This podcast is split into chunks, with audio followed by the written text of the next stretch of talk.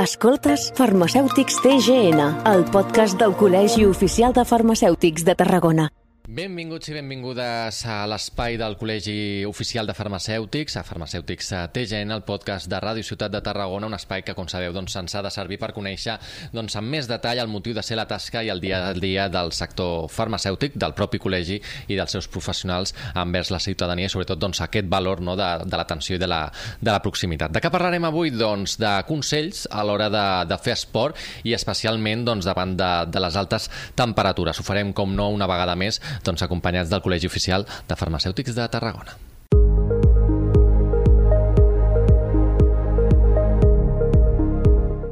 Torna al curs escolar, la, la rutina laboral i això doncs, fa que de vegades doncs, se'ns oblidi no? alguns dels aspectes importants com són els hàbits saludables, en aquest cas com és practicar doncs, l'esport i tot i que l'estiu doncs, ja vagi quedant enrere, doncs encara eh, queden molts dies per endavant que encara podem aprofitar el bon temps, encara eh, persisteixen doncs, aquestes altes temperatures que són doncs, a vegades eh, un factor de, de risc si volem doncs, fer exercici. Per això tenim que tindre en compte algunes recomanacions, alguns consells que avui, avui volem prendre nota, acompanyats del nostre convidat. Aquí saludem, Xavi Robustès, vocal del Col·legi Oficial de Farmacèutics de Tarragona. Benvingut. Hola, bon dia. Doncs ho deia més, l'esport eh, doncs, sempre és recomanable, sempre és important doncs, practicar-lo, ajudar doncs, a portar una vida eh, més saludable, però, mm, com dèiem, doncs, segons la climatologia, tant si fa molta calor o si fa també fins i tot molt, molt fred, doncs, eh, pot tindre alguns perills, alguns riscos que, que hem, que hem de tindre presents. Quins serien i com podríem tindre'ls en compte? Home, primer, primer dir que, evidentment, l'esport, l'ideal és practicar-lo amb una temperatura més o menys temperada, tenir-lo en compte, amb la qual quan practiquem esport intentem eh, ja de bon començament, si no és que el mateix esport obliga a practicar-lo amb unes condicions determinades de molta calor o de molt fred, sobretot aquí parlaríem sobretot dels esports de fred, els esports amb molta calor acostumen a ser evitables, de manera que és recomanable eh, intentar emprar les hores més temperades del dia. Primera hora, hores del vespre, eh, si t'agrada el running i estem a l'agost, eh, no és massa aconsellable començar a córrer a les 12 del migdia. El aconsellable seria començar amb una hora més, més, més lògica. No? Aleshores, primer de tot, hi ha el sentit comú a l'hora d'una pràctica esportiva. No cal buscar els límits. L'altra cosa és que siguis un esportista, no et diré d'èlit, però que sí que busquis límits al teu cos, l'extrem, i diguis, és que me'n vaig a Fuerteventura a fer la... Escolta'm, això evidentment doncs, tot és contemplable, però lo normal seria intentar adequar l'horari a, a la pràctica esportiva. Uh -huh. En aquest sentit, uh, que a vegades potser la gent no ho relacionaria, no? Uh, quin és el vostre paper des del col·legi en aquest sentit i, i com podeu ajudar? Nosaltres el que fem sobretot, a part de... Bueno, serien dos vessants les que, les que acabem, acabem fent sempre. Una és la formació dels nostres col·legiats, la formació dels, dels farmacèutics i tècnics en farmàcia que treballen a les, a les oficines de farmàcia. Fem eh, formacions eh, de tots els àmbits. Eh, en aquest cas que ens ocupa, doncs et parlaríem d'ortopèdia, ortesis, lesions més comunes, podríem parlar de, de com protegir la pell eh, a nivell d'hidratació, a nivell de protecció solar, eh, també podríem parlar a nivell d'hàbits alimentaris, eh, doncs com, com, com, com menjar correctament, depèn de l'activitat que et vulguis plantejar fer. Evidentment, en aquest cas que parlem d'esport, eh, qualsevol activitat necessita d'una preparació prèvia i és aquí on des de les oficines de farmàcia podem interactuar molt bé amb els, amb els usuaris, amb els clients que tenim. I des del col·legi, per l'altra banda, l'altra cosa que fem, evidentment, és, és eh, també formar o preparar activitats per la població, tipus, eh, doncs, què diré jo, la carpa de fotoprotecció solar, eh, eh, fer com aconsellar fer uns esmorzars saludables als col·legis, als instituts, diferents activitats, diferents campanyes o sumar-nos a altres campanyes que també ajuden a, a conscienciar la població de com actuar correctament. No? Sempre comentem, no, eh? La, les oficines de farmàcia és aquesta proximitat amb la ciutadania i que poden fer tot aquest tipus de consultes que a vegades mm -hmm. pensem que només Exacte. és el lloc on anem a comprar els fàrmacs i, i punto, i no és així. No, no, en absolut. L'oficina de farmàcia dona, dona una, una, una opció, un munt d'opcions a l'hora d'aprofitar-les, no només des del punt de vista, evidentment, això és com tot, pots a la farmàcia tenir pressa, agafar el frenadol i marxar, però, però la gran majoria de companys estan eh, perfectament formats per donar-te consell en qualsevol d'aquests àmbits, no? en el tema de l'esport, que toca moltes tecles i que si vols fer-lo evitant el mínim riscos de, de, de lesions o, o realment optimitzar l'esforç, eh, no cansar-te per cansar-te, sinó doncs, realment eh, fer una pràctica esportiva saludable i eficaç, doncs la farmàcia et pot ajudar moltíssim. Uh -huh. I, I en tant. el cas de l'esport en rebeu moltes consultes i quines potser serien les més habituals? Depèn de l'època de l'any, depèn de l'època de l'any, però normalment eh, són consells en base a suplements esportius, en base a, a pel que seria una miqueta l'ortopèdia, doncs a petites ortesis, tipus el que juga a pàdel, doncs una cinxa de picondilitis, eh, petites lesions, eh, tan, petites lesions que a vegades no són tan petites, eh? una lumbàlgia que es cronifica, un mal d'esquena que dura molt de temps, doncs ja no és una lesió tan petita, però sí que pots aconsellar doncs, quins exercicis fer, uh -huh. eh, quins hàbits fer abans de practicar l'activitat la, la, esportiva, o si potser has de parar una miqueta, eh, bueno, els, els consells, evidentment també ara que estem en estiu i que és tan important la fotoprotecció solar, una fotoprotecció que, que aguanti el suor, que no te l'hagis d'aplicar de manera redundant i de manera molt, molt repetitiva perquè et tallaria l'activitat esportiva. Doncs aquests consells que són, que són molt útils, aquests i molts d'altres, són els que estem preparats els farmacèutics per donar a l'instant, sense cues doncs, i sense hora d'espera. Doncs vinga, si et sembla, aprofitem aquests consells per part vostra. A, a quins serien els esports, precisament, més recomanables i els menys? Home, aquí també depèn molt de, de, de, de, del background esportiu i del background de formació a, eh, a nivell, doncs, com, com portes el teu cos durant la vida, no? Si et planteges començar a fer un esport eh, sense massa activitat prèvia, recomanem molt la natació, el ciclisme, caminar, eh, el running eh, és un esport d'impacte, s'ha d'anar més cura, eh, el tennis, pàdel, són esports que també et permeten regular moltíssim com actues el, el, o com vas avançant dintre d'aquesta pràctica esportiva.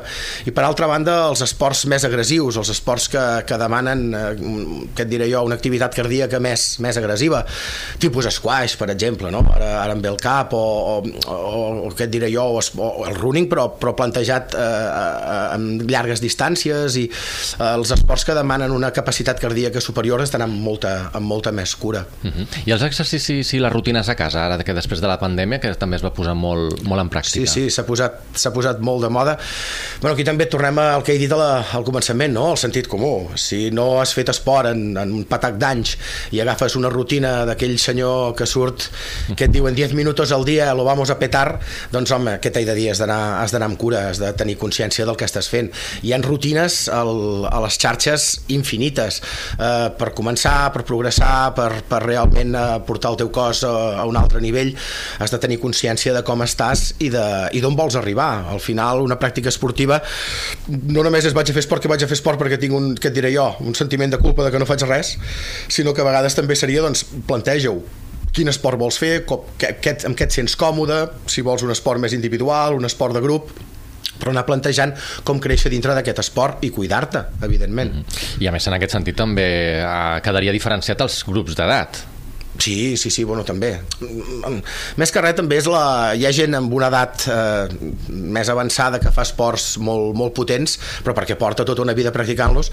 Ara, en canalla, eh, clar, qualsevol criu pot començar a fer qualsevol esport. Evidentment, amb un bon entrenament o amb un bon entrenador, qualsevol esport és possible. El, la, la història es complica quan tens una certa edat, fa temps que no fas activitat física i et penses que ets capaç de, de jugar a futbol com jugaves quan tenies 25 anys i t'apuntes amb quatre amics a fer una lliga d'aquestes de, de, dels que en tenim 40 i, ostres, cuidado, perquè acabem tots, tots, tots trinxats en dos dies, no? I no només l'edat, sinó que també les patologies són un factor important a l'hora de practicar esports. I tant, i tant, i tant. Això que dèiem del sentit comú. Si estàs operat d'un ginoll, doncs cuidado el que fas. Aquí és on anem a quin esport triar, no? Esports com, com el ciclisme o esports com la natació, que són esports amb molt poc impacte, que al final utilitzes el cos d'una altra manera. Eh, són esports que et permeten cremar molt, que et permeten tenir rutines molt progressives i que depèn de quina patologia prèvia doncs has has d'anar amb molta cura. Evidentment, depèn de la patologia, aquí hi hauria d'haver una mica de connivència amb el, amb el metge, amb qui coneix el teu historial clínic i que et pugui permetre o no permetre fer determinades activitats en base a la teva, al teu estat. Uh mhm. -huh. Més enllà de, de les patologies i de l'edat, hi ha algun altre tipus de perfil que hauria de tindre restringida la pràctica de l'esport o que hauria de tindre en compte? Ostres, mm, no se m'acut ara mateix clar, podríem anar a casos extrems, no? Eh, amb la bellesa, eh, moments en què realment el teu cos no dona de sí, però, però en principi practicar esport, tots hauríem de practicar també esport. potser segons quins exercicis. Que... Saber parar, exacte, saber parar, saber... saber eh, en la vida esportiva tothom va creixent, creixent, creixent fins que arriba un moment en què realment dius, ostres, això ja millor que no ho faci, tinc determinats dolors, eh, depèn del pes que hagis tingut al llarg de la teva vida, les articulacions estaran més malmeses o menys, depèn de com et vagis veient, doncs has de tenir tenir, torno a dir-ho per tercera vegada, eh, sentit comú per sobre de tot.